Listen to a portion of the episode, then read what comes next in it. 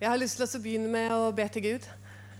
Jeg takker deg, Herre og Far, jeg priser deg for at vi kan få lov til å be om at eh, ditt navn skal bli herliggjort i dette møtet. Jeg ber, Herre, at du åpner våre hjerters øyne, slik at vi kan se det som du vil at vi skal se. Takk, Herre, at du er nær. Takk at du velsigner, Herre. Takk for Den hellige ånd. Takk for dette møtet. I Jesu navn. Amen. Jeg har lyst til å begynne med å fortelle en liten ting. Og eh, min mann og meg, Erlend, vi er ofte velsignet med at vi, når vi er i Israel, at vi stadig vekk dukker opp i eh, situasjoner hvor vi treffer religiøse jøder på en eller annen måte litt sånn utrolig tilrettelagt. Typisk Gud.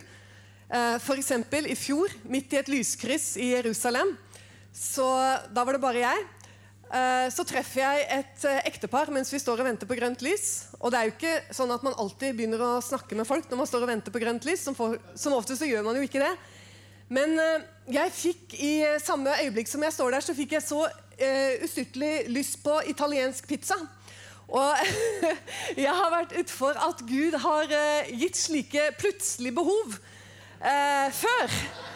Uh, jeg har opplevd det med epler, og jeg har opplevd det med de merkeligste ting. Og faktisk er det vist seg flere ganger at det er han som er på ferde når det kommer slike plutselige behov. Jeg tenkte jo ikke det, men jeg bare henvendte meg til selvfølgelig ikke til han, for dette, jeg så jo at de var religiøse. Jeg så det på kledningen. Og da henvender du deg ikke til mannen, men da henvender du deg til kvinnen. Så jeg sier til henne du, du vet ikke tilfeldigvis om et sted hvor de, eh, hvor de har italiensk pizza? Ja, og vi elsker italiensk pizza, sier hun.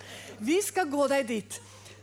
Så under turen eh, til denne restauranten så kommer vi i prat.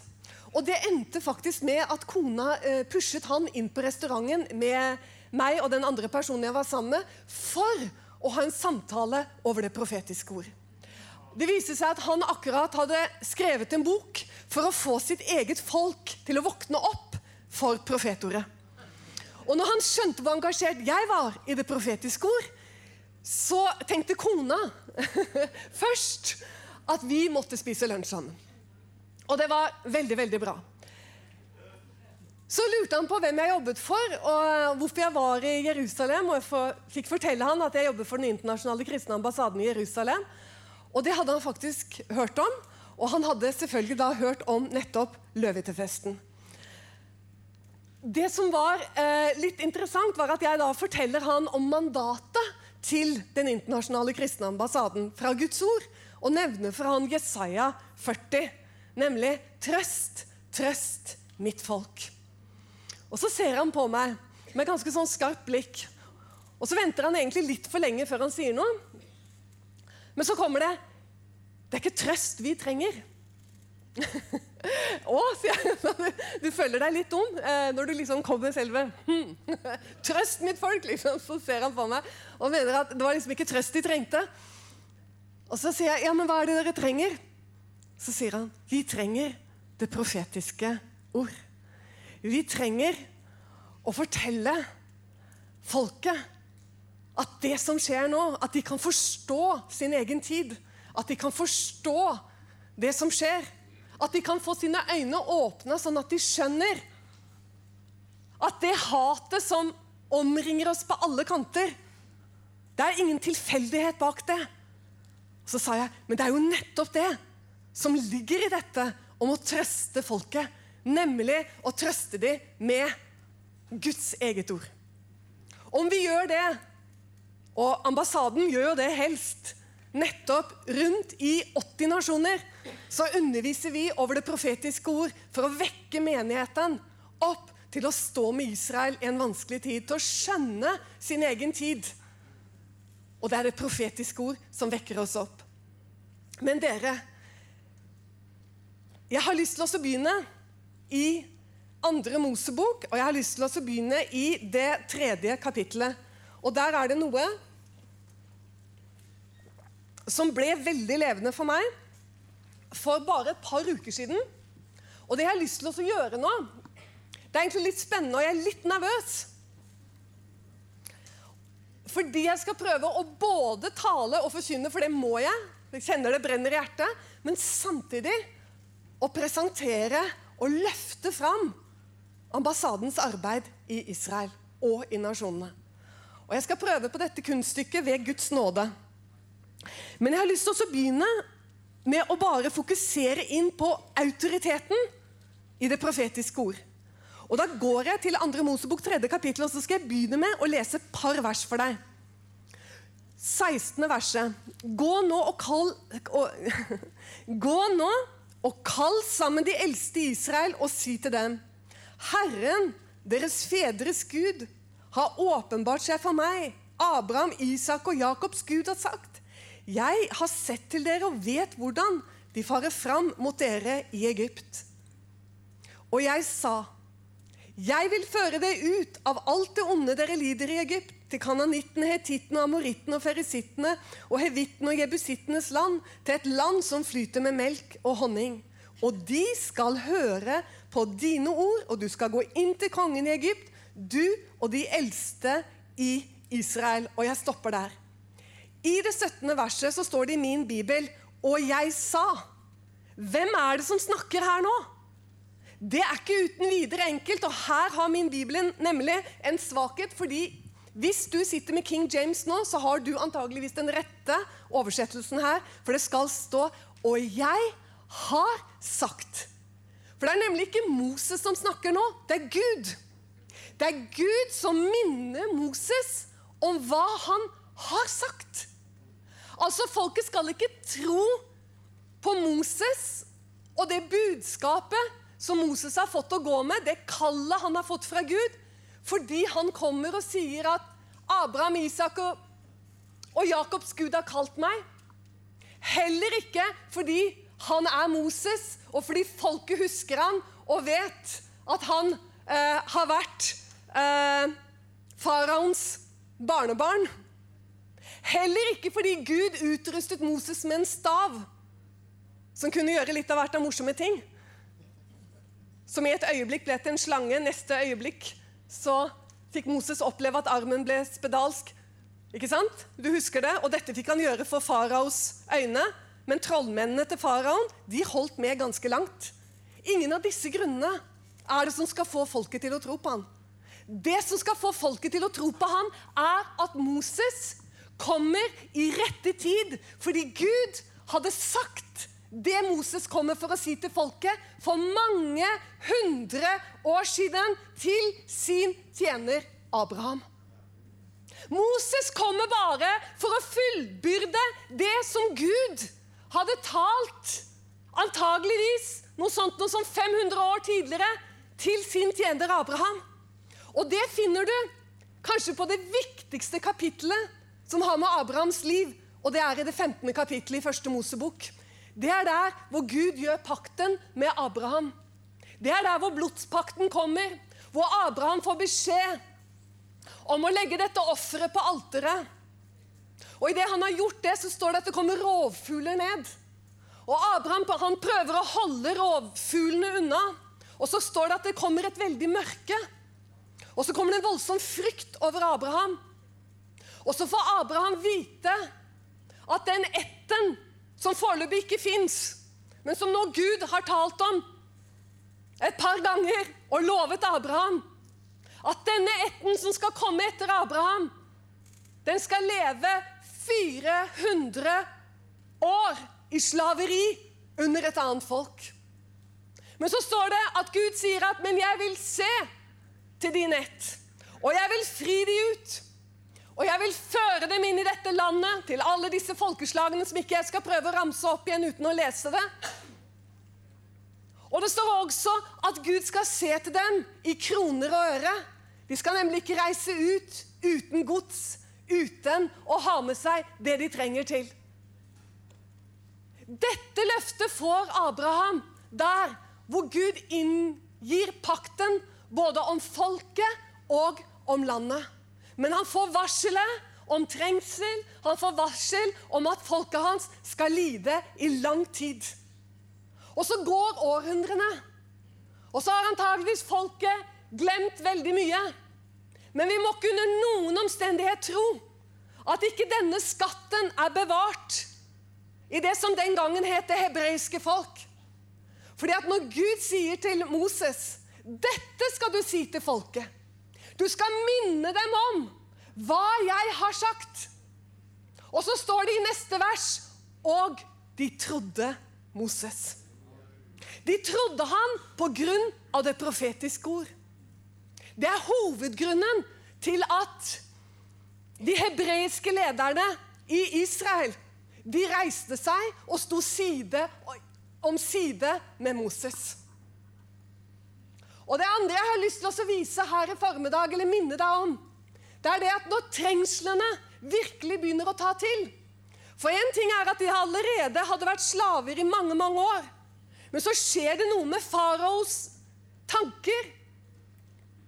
Så han får det for seg at dette folket som bor iblant dem, det er ikke til velsignelse, men de er til en forbannelse.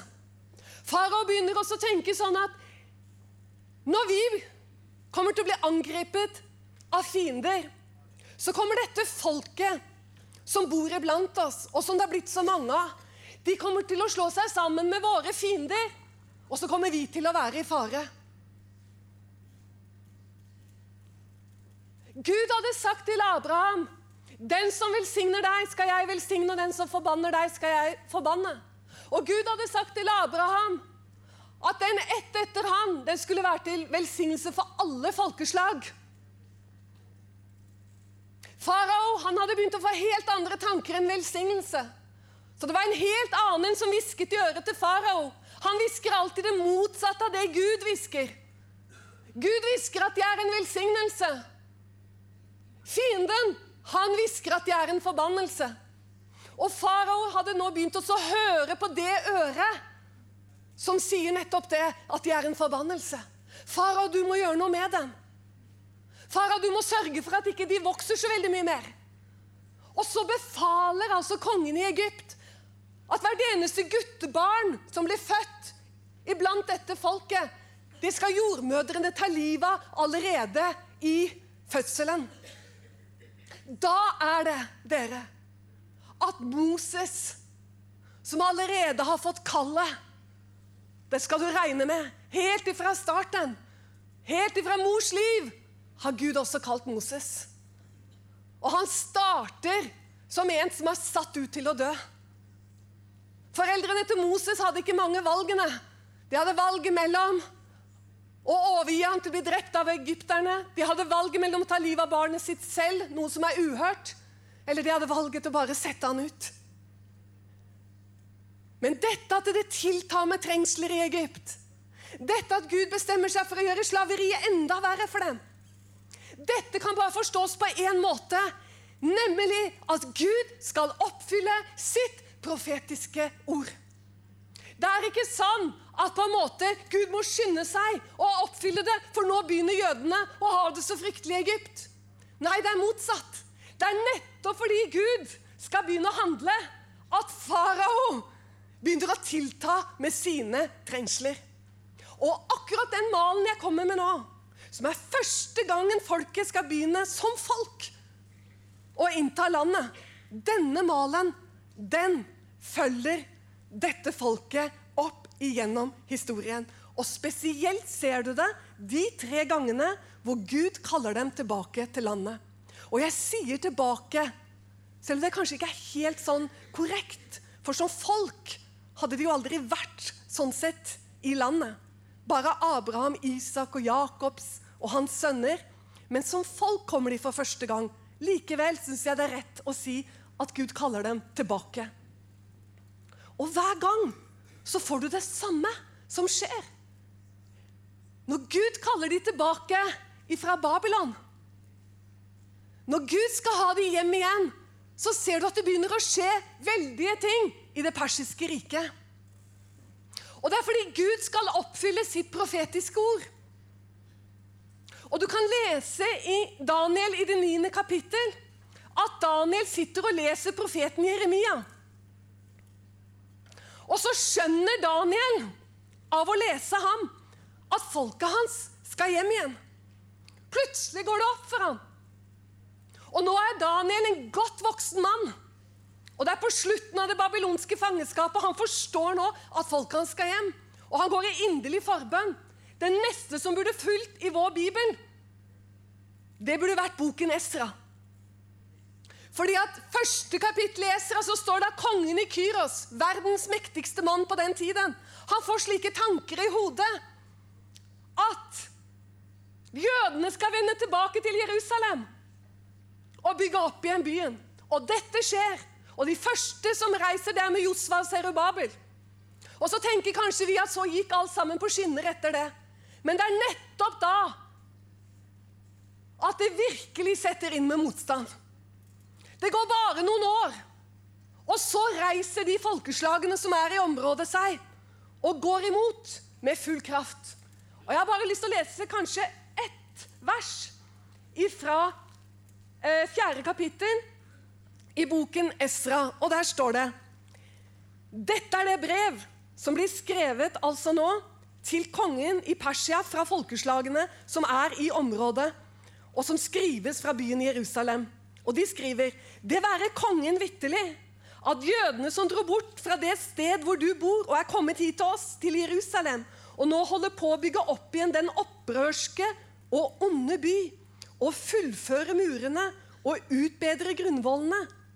Men nå var det kongen vitterlig at dersom denne by blir bygget opp igjen, og murene fullført, så vil de verken gi skatt eller toll eller veipenger, og de vil til sist bli til skade for kongen.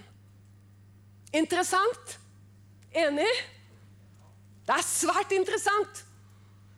Og det som skjer nå, er at det stopper opp. Fordi motstanden blir så stor mot at jødene skal tilbake og bygge opp igjen denne onde, opprørske by. Du kan si at baktalingen og løgnene og egentlig alt det som blir hvisket i øret til de mektige menn om at dette folket er ikke til velsignelse. Det at de kommer tilbake til landet, er ikke noe velsignelse for folkeslagene. Nei, det er snarere en forbannelse. Det er en forbannelse for området der nede. Det kommer bare til å bli kaos. Det kommer til å bli opprør. Det kommer til å bli bare elendighet. Hør på våre gode råd. Det ligner veldig på vår egen tid. Og det er ingen tilfeldighet. Når jødene begynte å vende blikket, slik profeten hadde sett det for tusener av år siden Når de begynte å vende blikket på slutten av 1800-tallet mot Jerusalem Det var ingen tilfeldighet. Det hadde ingenting med politiske prosesser å gjøre. Jo, det hadde det òg. Men bak de politiske prosessene Bak de kristne lederne fra Europa som reiste seg opp på det profetiske ord på slutten av 1800-tallet, så sto det en levende, allmektig Gud som skulle oppfylle sitt profetiske ord. For tredje gang! Han er ingen glemsom Gud. Han er en som husker sitt ord ned til detaljer. I Jeremia så står det det at så sier Herren. Han som gjør det han vil. Han som uttenker det, får også å fullbyrde det. Han hvis navn er Herren. Han som ikke engang hadde glemt at folket skulle ikke reise tomhendt ut av Egypt. Det sa han til Abraham. Mange hundre år etterpå så gjentar han det overfor Moses. Dere skal ikke reise tomhendte ut fra Egypt. Han har ikke glemt en eneste ting. Og denne Gud han begynte å legge det ned i hjertene på jødiske menn og kristne ledere som sto midt i vekkelse i Europa, at jødene Nå er det tid for å vende blikket mot Jerusalem. Og det profetiske ordet bare stråler på himmelen som et lys. Da dere, er det at antisemittismen våkner midt i Europa. Det går bare noen tiår. Og så begynner det å våkne på en måte som trallet ikke hadde vist seg siden middelalderen. Og Gud reiser opp en ny Haman. Nei, unnskyld meg! Her kan det gå litt fort. Den onde selv. Men du kan si Gud tillater. Reises opp en ny Haman midt i Europa. Og forunderlig nok så begynner også hans navn på H. Og det er Hitler. Og for andre gang, få med deg dette, for andre gang i verdenshistorien så går det et budskap ut om totalutryddelse av det jødiske folk. Det skjedde rett før vekkelsen med Esra, når de skulle tilbake fra Babylon. Da skjedde det at Haman kom på tronen i det persiske riket om total utryddelse av det jødiske folk. Det var like før den store andelen som kom tilbake med Esra, hvor det også ble vekkelse i Israel. Nettopp da er det at fienden løfter sitt grimme hode og hvisker i ørene til verdens konger og fyrster og ledere om at alle jødene i ditt rike, kjære konge, hør, Ahasverus, la meg få lov til å stå for å utrydde dette folket, som vil bli en forbannelse i ditt rike. Men da er det at Gud hadde et kort, og det var Ester. Men i vår tid, dere, så skjedde det igjen. Og det var ingen Ester som reiste seg i 30-årene i Europa. Det fantes noen enkle menn og kvinner her og der. Det fantes noen menigheter her og der. Det fantes mennesker som reiste seg opp for det jødiske folk. Men du så ingen redning, sånn som du så når de skulle hjem fra det babylonske fangeskapet.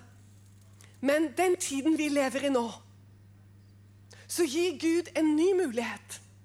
For det som vi trodde var over, det som vi trodde at var noe som skjedde, og som vi nå på en måte har fått lov til å bevege oss ut ifra fra tiår til tiår. Det er noe med at vi merker plutselig at dette uhyret våkner igjen. På en måte vi ikke trodde var mulig. Nå, igjen, så sitter jødene på kofferten. Og det er ikke mine ord. Det er en jødisk mann som jeg intervjuet bare for en måneds tid siden i Jerusalem som reiste hals over hode med kone og fem barn, som hadde høy stilling i Israel. Reiste til Israel, høy stilling i Frankrike, reiser til, reiser til Israel. Noe han aldri hadde trodd at han skulle komme til å gjøre. Hvorfor det? Fordi han så ingen framtid på verken seg selv eller for sine barn i Europa. Du skal få lov til å se et lite filmsnutt med han om en liten stund. Men før vi viser den, og en liten filmsnutt fra Haifa-hjemmet, så har jeg lyst til å fortelle deg noe som skjedde før jeg begynte å jobbe som forkynner for Ikai. Da var jeg på ferie i Israel, og vi skulle bo på et hotell utenfor Jerusalem. Og vi ankom dette hotellet midt på natten, jeg og min mann. Og vi ringte på, vi ringte på, det var ingen som lukket opp. Klokka var tre-halv fire på morgenen. Til slutt så kommer det en søvnig mann med revolver i beltet og åpner døren og eh, gir oss nøklene til rommet. Og Vi beveger oss oppover etasjene, og så legger vi merke til at hele hotellet er tomt. Det fins ikke et menneske på dette hotellet. Alle dørene står åpne. Rom etter rom etter rom. Tomt hotell. Eneste som var der, det var meg, og det var Erlend.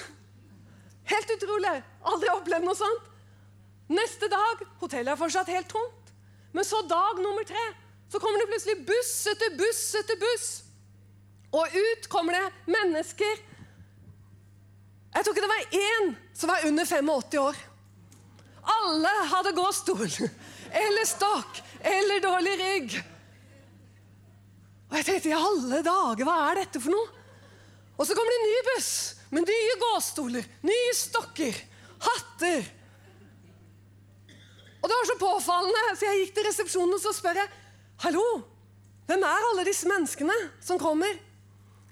Hele hotellet, utenom dere to, er booket for holocaust-overlevende i Israel. Jeg var helt målløs. Det er den mest utrolige ferie vi noen gang har hatt. Vi fikk én uke under løvehyttefesten hvor vi fikk dele alle, eh, alle, måltidene i en løvhytte ute i hagen i hotellet. Og fikk sitte i samtale med disse menneskene flere ganger for dagen og fikk høre deres historier. Og Da husker jeg spesielt én. Og Jeg spurte hva som var på en måte aller vondest. Hva som var det verste liksom, å tenke tilbake på. Og så sa han jeg har ikke så lyst til å si hva som var vondest, for det klarer jeg ikke å huske. sånn. Men jeg skal fortelle deg hva som er vondest nå. Og denne Mannen han var 87 år, og ennå så jobbet han for erstatningssaker og for å hjelpe jødene som nå var i Israel med erstatningssaker fra Tyskland. Så ser han på meg, men nå skal jeg fortelle deg hva som er aller vondest for meg nå, sa han. Det er det hatet som omgir oss fra alle kanter. Verre enn de som er rundt oss, sa han. For de har vært der hele tiden. Men det aller verste, det er det hatet som vi nå opplever fra Europa. Og den likegyldigheten av de, sa han, som vendte ryggen til oss når vi blir drept i milliontall, igjen er likegyldige til det som skjer imot oss nå. Og det fikk meg til å tenke. Og noen år etterpå så ble jeg spurt om å bli med i IKAI. Og noe av det første jeg legger merke til etter at jeg har kommet inn i arbeidet, det er at jeg ser at ambassaden driver et arbeid blant holocaust-overlevende i Haifa. Og Første gangen jeg var der oppe, og jeg traff Susanna Og hun forteller meg sin utrolige historie som lignet på en av de jeg fikk høre fra dette hotellet noen år tidligere. Hvordan hun overlevde dr. Mengele. Måned etter måned i Auschwitz. Når krigen sluttet, så veide hun 3-24 kilo. Og Dr. Mengele han kom i kvinnebrakken for å bestemme hvem som skulle leve, og hvem som skulle få dø. Og han kom tre ganger i uken. Og Hun fortalte det at han stilte seg foran hver kvinne som sto oppstilt på rad. Og Hvis han løftet sin høyre hånd, så betød det gasskammeret. Hvis han løftet venstre hånd foran deg, så betød det at du kunne få fortsette å arbeide. Så sier jeg til Susanna, men Susanna, hvordan kunne du overleve, overleve når du veide 23 kilo, og så, så liten som du er? Så sier hun Jeg visste når dr. Mengele kom, for han kom til faste dager. De dagene så spiste jeg ikke min brødrasjon, som var en skalk. Den skalken brøt jeg i to, og så puttet jeg hver halvdel inn i kinnene mine. Så skar jeg slik at jeg fikk blod, og så smurte jeg det som rouge i kinnene mine.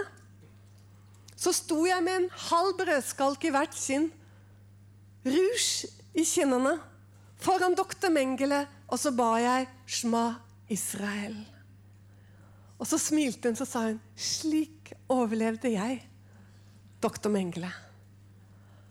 Og det blir så levende når du får vitnesbyrdet direkte på den måten. Det er så annerledes enn å lese det i bøker, alt du har hørt og sett. Det vi skal gjøre nå, er at vi skal gå direkte til de vitnesbyrdene i en film som Tom Sigurdsen og Henning Nå husker jeg ikke hva Henning heter til etternavn. Henning, Paul, Tom og jeg var der nede i våres for å filme og løfte fram dette fantastiske arbeidet som ambassaden driver i Israel. Det er så viktig at vi virkelig forstår hva vi er med å gi penger inn til. Hva vi er med å støtte opp om. Og jeg håper at videoen for det første er klar. Er klar? Yes! Nå ser vi på den, og så skal jeg fortelle litt mer etterpå.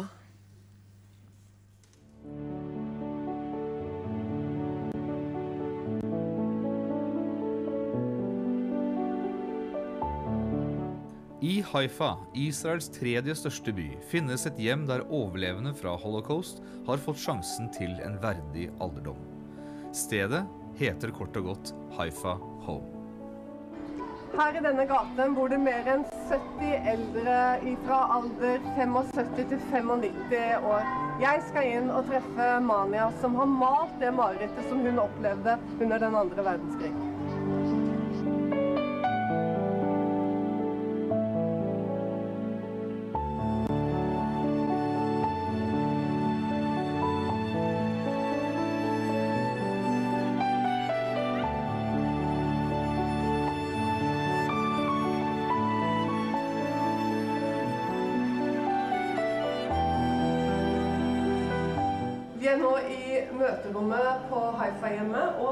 På alle veggene så henger bildene til Manja. Hun er en skikkelig kunstner. Og hun har eh, fått ned med farger og med det hun har, og fått tegnet det hun opplevde under annen verdenskrig. Manja Ereman var bare åtte år da soldatene banket på døra til deres hjem i Transnistria og ba dem om å pakke det aller mest nødvendige, for så å forlate huset.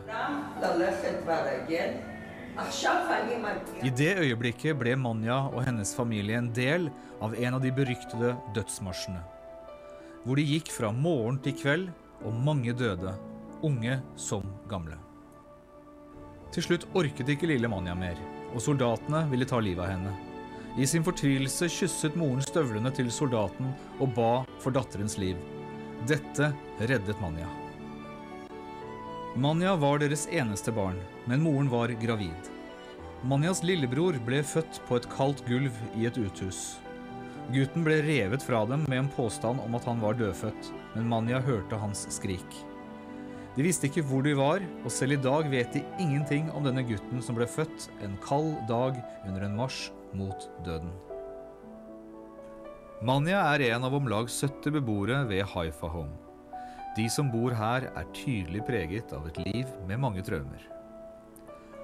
Å se inn i disse værbitte ansiktene og trette øynene gir oss en liten indikasjon på hvordan livet var for jødene under andre verdenskrigs grusomheter.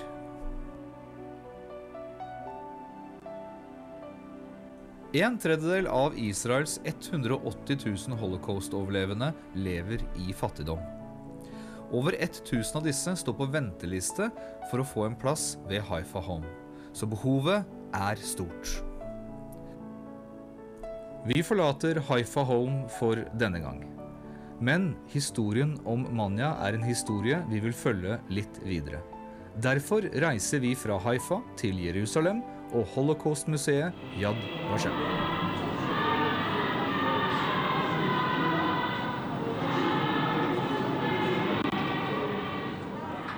Foran standen på Yad Vashem som handler om dødsmarsjene i Romania, og spesielt i det området som heter Transnistria, som lå på grensen mot Ukraina.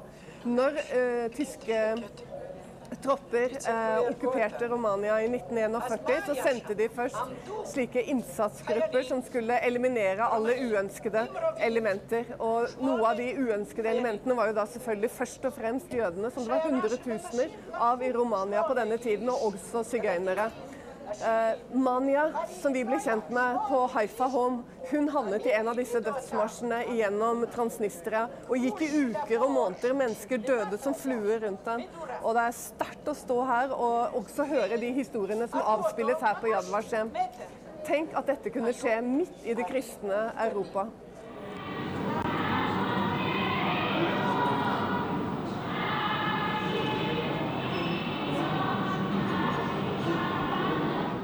Hver gang jeg kommer ut fra Yad Vashem, så har jeg en sterk opplevelse av å ha vært på hellig grunn. At du har vært i sentrum av noe som betyr enormt mye for jøder over hele verden og for staten Israel. Det var sterkt å komme hit og plukke opp igjen Manias historie og se et videre perspektiv på hva som faktisk foregikk i Romania og i Transnistria i årene 1942 og 1943.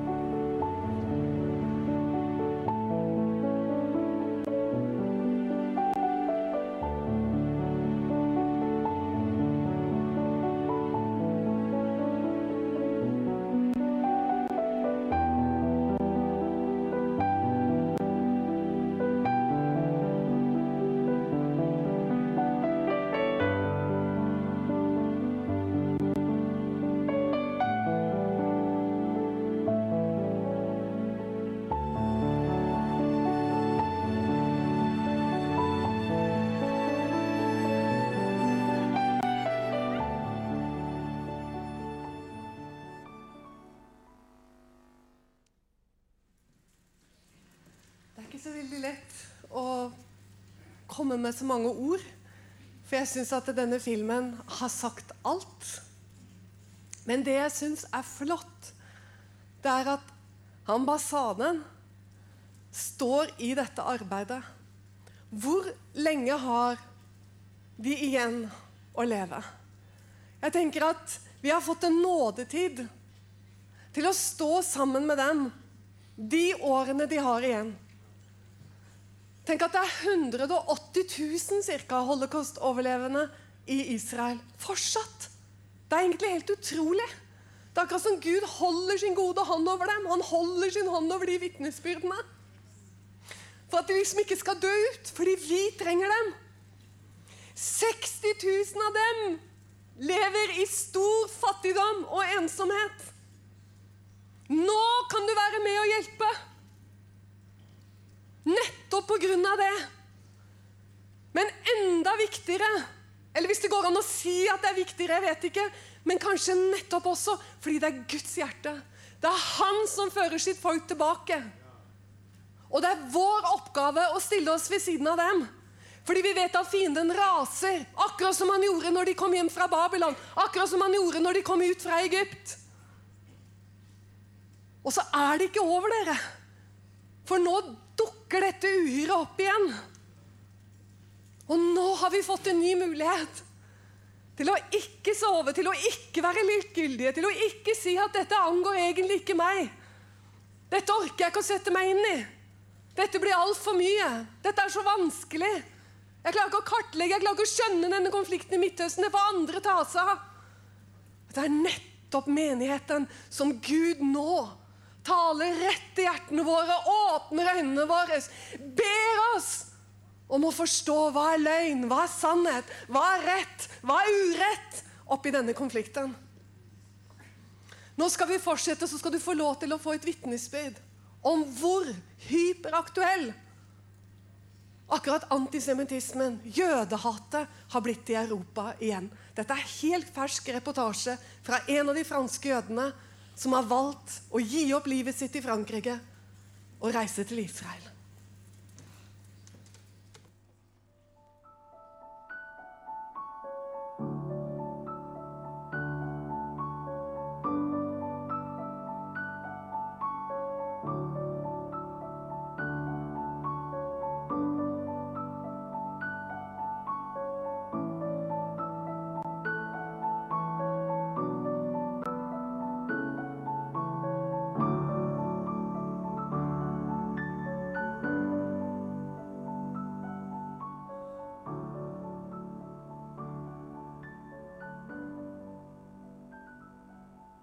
My lost sister, uh, I could not believe she would she would leave France because uh, she had a wonderful job, Okay. a lot of responsibility, Mm.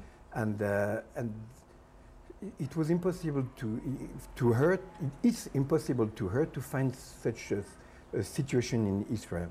Okay, it's uh, to her if she lived, it's a very very big loss. Okay, because she's very involved in her job and and so on. She's a operative woman. You say? But I understand she had a very important job and Yeah. she was a very clever woman Yeah. and uh, and she left everything and Yeah, uh, just a month ago. Just a month ago, yes. And but uh, she reacted at uh, what happened uh, in Montrouge in France. In the supermarket, no, No, before the supermarket. before the the, supermarket. the, the killer of the supermarket went to a Jewish school yeah. in Montrouge. Um, it's a town in France. okay, close yeah, to Paris. before the supermarket. suburb. Yeah. and uh, and they could not go to come into the school, Uh-huh. uh, which was uh, their goal, Mm. uh, because uh, a traffic problem. He was stopped in some and way. he, yeah, he was Mm. stopped and he killed a policewoman, a policewoman Yeah, on the way, we and he had to leave. And then he went to the supermarket uh, at Ah, exactly. And and and, And my sister had his uh, his uh, daughter in this school. okay. So if and- actually if he had Can- succeeded Yeah, to enter this school, then Yeah. maybe your sister's daughter would have been killed, yeah. and that was and, uh, very and- tough and for her. that's also uh, a reason to me to leave France, because after um, uh, Zaratora in Toulouse, uh, I, w- I- I- I thought she, they could do, they, and they will do that everywhere Mm. In a, in a Jewish school. And Mm. my, my children were in, they were in Jewish school. Do you feel that it's maybe just about with? Do you feel that it's just a question of time when, when it's going to happen again in France? In, in fact, you know, uh, we Jewish could not be here now if we are not optimistic. yeah. And uh, we, I don't feel it will happen, Uh, but I know it can happen, and that's enough because it's my children, not me. I, I can be exposed, but no, I don't want my children to you, be exposed. you have five children, yeah, I have fi- five children. and you didn't. Did, do you feel that they had a future in France? In France, I think, uh, I, i- in general, I think there is no future for the Jews in Europe.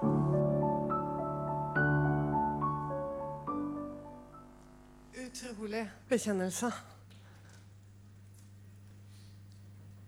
Helt generelt, sier han, så tror jeg ikke at det er noen framtid for jødene i Europa.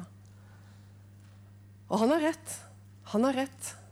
Profeten Jesekel sier det. Jeg lar ingen av dem være igjen der ute. Og Vi har også lest at det først så kommer fiskerne, så kommer jegerne. Gud har ikke gått glipp av en, ikke en detalj. Ikke en detalj. Var det ikke utrolig å høre på denne mannen? Og Jeg avbryter han litt, og jeg kjente på det. Åh, jeg føler jeg avbryter han litt, Men det er noe med at du fikk teksten også. Det er det at Han hadde en sånn veldig fransk aksent. ikke sant? Når han prater engelsk, så blir det helt fransk. Så jeg var så redd for at folk ikke skulle forstå hva han sa. For det var så viktig, det han sa. Kjære Gud. Jeg tenkte på noe når jeg hørte Paul i går kveld så gjentok Paul flere ganger om at Guds øyne farer over hele jorden for å kraftig støtte den hvis hjertet er helt med han. Og Mange ganger har jeg tenkt hvorfor behøver Guds øyne å fare over hele jorden? Er det så få hele hjerter at Guds øyne må fare? Skjønner du? Det ligger liksom noe i det at Gud leter etter hjerter som er helt med ham. Og det er én i Bibelen som jeg ble minnet om i går kveld, og det var Biliam. Han, en profet i Bibelen, han blir så til de grader prøvet på om hans hjerte er helt med Gud. Og han blir prøvet nettopp i forhold til Guds folk. Fordi han er en profet, og han visste at dette var et folk som var velsigna.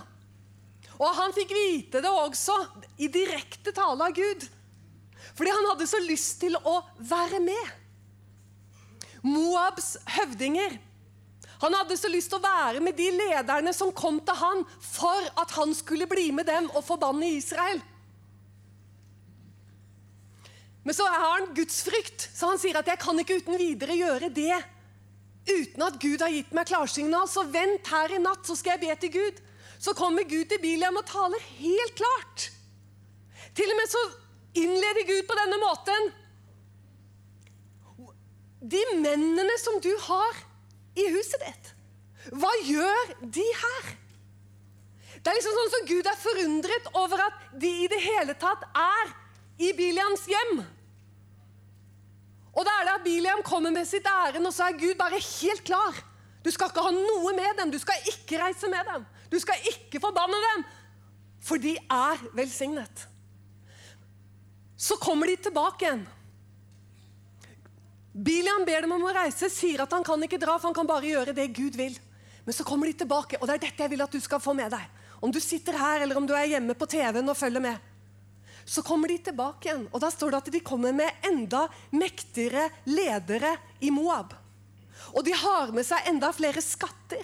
De har med seg mer penger. De har med seg mer forlokkelser. Men jeg festet meg veldig ved dette her, at det er liksom de ypperste lederne som kommer. Og denne gangen så ramler Biliam igjennom. For det er liksom noe med det der å være med og holde seg inne med de som det er viktig å holde seg inne med. Og det er vel akkurat der menigheten i vår tid blir mest utfordret når det gjelder Israel. For det finnes ikke noe som er mer politisk ukorrekt enn Israel. Så hvis du vil stå for Israel, så kan det hende at du også må regne med at du ikke kan samtidig få lov til å være med Moabs ledere og høvdinger, for å si det sånn. Men der er det at Gud prøver hjertene. Og her er det også i vår tid at så mange hjerter faller igjennom. Slik at jeg tror også nå så farer Guds øyne over hele jorden. For han ser etter de hjertene som er villige å stå med Hans ord. På tross av at det kanskje kommer til å skape en del problemer i ditt liv. Og det er akkurat dette, og det er akkurat her at vi kommer til å bli prøvet, og vi blir prøvet i denne tid. Alle syns det er vondt med holocaust. Alle kan reise seg og si at de er ingen antisemitt. Jeg vet ikke om én nordmann som jeg kjenner, men jeg vet de fins. Men jeg vet ikke om én nordmann som jeg kjenner. Selv om de aldri så imot Israel, så vil de reise seg opp og innrømme at de var en jødehater eller en antisemitt. Men jeg kjenner så altfor få som er villige å sette seg inn i det som skjer nå rundt det jødiske folk og Israel. Men jeg har den tro at Gud holder på å reise opp mange, mange flere. Og han gir seg ikke. Så hans øyne han farer omkring. Men det nytter ikke å komme liksom med et halvt hjerte. Det er en pris. Men det er en vidunderlig pris. Fordi at Gud har lovet å velsigne de som er villige å stille seg i gapet. Stille seg fram. Ta et skritt fram i denne tid. Så har Gud lovet at han skal være med og velsigne. Når det jødiske folk bestemte seg for å tro på det budskapet Moses kom på, så var det av det profetiske ord. Når 42 000 mann reiste seg opp sammen med Josfa Serubabel og ble med, og begynte å vandre tilbake mot Jerusalem, så var det av det profetiske ordet står at Guds ånd hadde vekket den første puljen som reiste. I dag, og alle vi som er samlet her, så er det samme grunn at vi har kommet sammen, nemlig det profetiske ord. Som har vekket oss i den tid. Jesus sa, 'Nå sier jeg det før det skjer, for at dere skal tro når det skjer'. Så det første spørsmålet vi må stille oss når vi er med å støtte det arbeidet som bringer jøder tilbake til Israel, som er med å velsigne og støtte jødene i dette landet, som er med å undervise ordet ute i menighetene Hvorfor skal jeg være med og støtte opp under dette arbeidet? Fordi det er en del av det profetiske ord som Gud lar stråle i den tid som vi lever i akkurat nå. Nå bringer han folket sitt tilbake. Nå har du muligheten til å reise deg og stå med. Ambassaden har tre grener. Og egentlig så har du fått presentert alle de tre grenene nå. Det er undervisning. Det er trøst mitt folk. Det er arbeid. Sosialt arbeid, omsorgsarbeid i Israel. Og så er det å hjelpe til å bringe jødene tilbake til Israel. Du har egentlig fått de tre tingene presentert, tror jeg, her i formiddag. Jeg har stått her, talt ordet. Du har hørt ifra Haifa Home. Og du har hørt fra en som har fått hjelp gjennom Aliyah-arbeidet. En av de siste som har kommet. Han og hans familie, Moshe, fra Frankrike, som nå har blitt en israeler. Kanskje du skal ta en bestemmelse her i dette formiddagsmøtet om at åh, jeg må også være med og stille meg sammen med alle de andre. Vi er drøyt 10 000 nå her i Norge som står som partnere og som støtter opp under ambassadens arbeid. Dette er et profetisk arbeid. dette. Det er noe som Gud har reist opp. Du kan gjøre det så enkelt som å sende bare initialene til ambassaden i en SMS. Så enkelt. Så i løpet av 15 sekunder så står du som partner med oss. Du sender det til 2030, og så er du med i denne store eh, sammenhengen. Som mitt håp er at innen noen år så burde vi kunne være dobbelt så mange. For dette er ikke for noen, liksom. Men dette er jo egentlig for alle menighetene, som har en kristen ambassade i Jerusalem, som står i et profetisk arbeid for det jødiske folk nettopp nå mens du lever. Kjære Jesus, jeg bare takker deg for den muligheten som du gir oss. Herre, vi vil ikke være som Biliam. Du prøvet han, Herre. Han falt igjennom. Men Gud, han fikk stå der hver gang han skulle åpne sin munn og skulle forbanne, så begynte du å velsigne. Herre, jeg bare takker deg for at du reiser opp mennesker i vår tid, Herre, som skal få lov til å stå for sannheten i denne tiden. Herre, jeg ber deg, rør ved hjertene våre, åpne hjertene våre, Jesus. Hjelp oss, Jesus, sånn at vi ser det som du vil at vi skal se. Takker og priser deg, du allmektige Gud. Halleluja. Amen. Jesus Kristus. Jesus Kristus. Jeg må bare si til slutt, jeg ble så minnet om det. Et annet alvor med Bilian er jo at han er leid inn av de folkene som bor der i landet. Han som er en profet, en Guds profet, han er leid inn for å forbanne. Tenk så skummelt! Nettopp i vår tid også, er det kristne på en måte som danner seg, og som på en måte kommer sammen. Og det står i Salme 83 Mot ditt folk, står det. Inngår de pakt? Jeg tenker Det er noe av det verste du kan gjøre, fordi at du går imot først og fremst Gud og det Gud gjør. Han oppfyller med glede sitt ord. Og så skulle det være kristne som gikk imot det. Jeg vil avslutte med en bønn nettopp for dem, for jeg har vært en slik selv. For mange år siden nå, men allikevel, jeg var kristen. Og jeg var en av de som ikke forsto dette, og uh, syntes at Israelvenner virket veldig hva skal jeg si, enspora og litt forført ut. Men jeg kom til sannhetserkjennelse, og nå har jeg lyst til at vi skal avslutte. Hva om vi alle sammen bare nå bestemmer oss i enighet i bønn? At vi ber for menigheten i landet vårt, for de kristne i landet vårt, om åpenbaring. Herre, jeg takker deg, for vi har ikke noe kamp mot kjøtt og blod. Vi har ikke noe kamp mot mennesker. Vi velsigner alle, Herre. Vi velsigner din menighet her i Norge. Men vi, be, vi ber deg, Herre, om åpenbaringsånd. Vi ber deg, Herre, om at du skal åpne øynene slik du har gjort for så mange. At du skal gjøre det for mange flere. Sånn at de kan se det i ordet som du vil at de skal se. Sånn at de skal se at dette handler ikke om engasjerte, og oppspilte mennesker som har på en måte kommet litt gærent ut. Nei, dette handler om å se og forstå ditt ord i rette tid. Gud, nå bare ber vi at du ved Den hellige ånd skal åpenbare dette rundt omkring i byer og bygder i landet vårt som aldri før. Herre, vi bare takker deg at vi skal kjenne vår besøkelsestid. Gud i himmelen, du kommer aldri for sent. Og du kommer i rette tid. Og jeg takker deg at du har hørt vår bønn. I Jesu Kristi navn. Amen. Gud velsigne deg.